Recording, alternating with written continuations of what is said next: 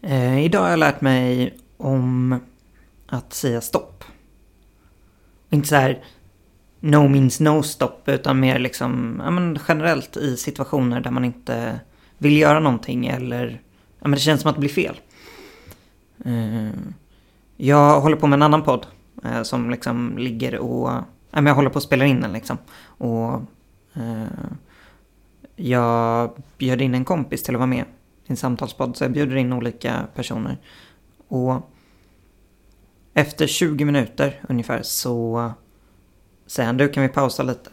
Eh, för det här, det känns inte bra liksom. Och så hade vi ett samtal kring det och det slutade med att vi spelade inte in avsnittet den dagen utan... Eh, ja men det eh, fick, fick vänta. Och det, det slog mig... Eller slog mig. Det... Eh, kändes jävligt bra. Då. Jag förstår fortfarande inte riktigt varför han kände som han gjorde. Och jag förstår inte riktigt varför det blev som det blev. Men jag beundrar att han vågade säga paus, det här känns inte bra för mig.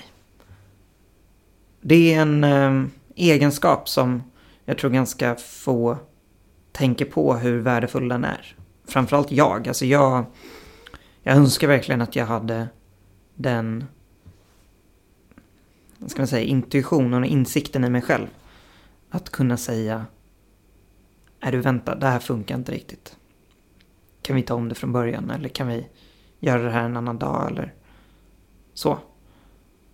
Och det jag, jag har, har en gång när det faktiskt gick, gick jävligt långt för att jag inte sa stopp.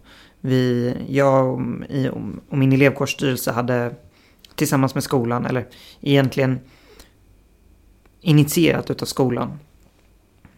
Ehm, fått, jag ska inte säga att vi anordnade, men vi, vi stod som anordnare av en föreläsare. Eller en föreläsning. Och det var väl liksom ingenting som gick som det skulle den dagen. Det var allt ifrån att vi inte hade kommunicerat att det var en föreläsning. Eh, att skolan inte hade kommunicerat att det bara var vi som stod som arrangörer. Det var inte eh, ingen som hade kommunicerat ut till eleverna att eh, föreläsningen var obligatorisk. Vi hade ingen kontakt med föreläsaren förrän han kom till, till platsen. Vi hade ingen kontakt med de som hade lokalen som, där vi skulle vara. Det var liksom bara... Det var fyra timmar eller någonting av totalt jävla kaos. Och jag gick in i någon så här, det började liksom redan vid, men säg att det började vid två och föreläsningen var vid fyra. Och bara gå in i en så här tunnel, tunnel liksom seende läge. Och såg verkligen ingenting annat än att vi ska ha den här föreläsningen. Och ja, men det blev inget bra. Det kom typ, alltså kanske kom tio elever vi bytte från att ha en jättesal till att ha liksom en, en sal där vi knappt hade stolar till alla.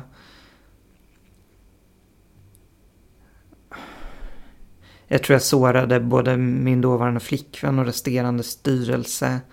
Vårt förtroende mellan oss och skolledningen sjönk. Förtroendet till eleverna sjönk definitivt. Det var liksom massvis med grejer som gjorde att jag sa inte stopp. Alla andra sa det, alltså så här, hela min alla styr, resten av styrelsen, till och med föreläsaren föreslog, ska vi ta den här en annan gång? Jag sa, nej vi ska fixa det här. Och för att jag inte sa stopp, så, ja men det, ble, det blev liksom inget bra. Och då när, när andra vågar göra det i sammanhang där jag är med, då blev Ja, men jag bara insåg det när, när det här hände med, med podden. Att så här, shit, vad coolt. Och vad tacksam jag är för att det här hände. För att det är, det är en så cool egenskap.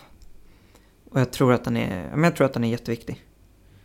Så frågan jag vill avsluta med idag är Hur tror du att vi kan bli bättre på att säga stopp när vi borde?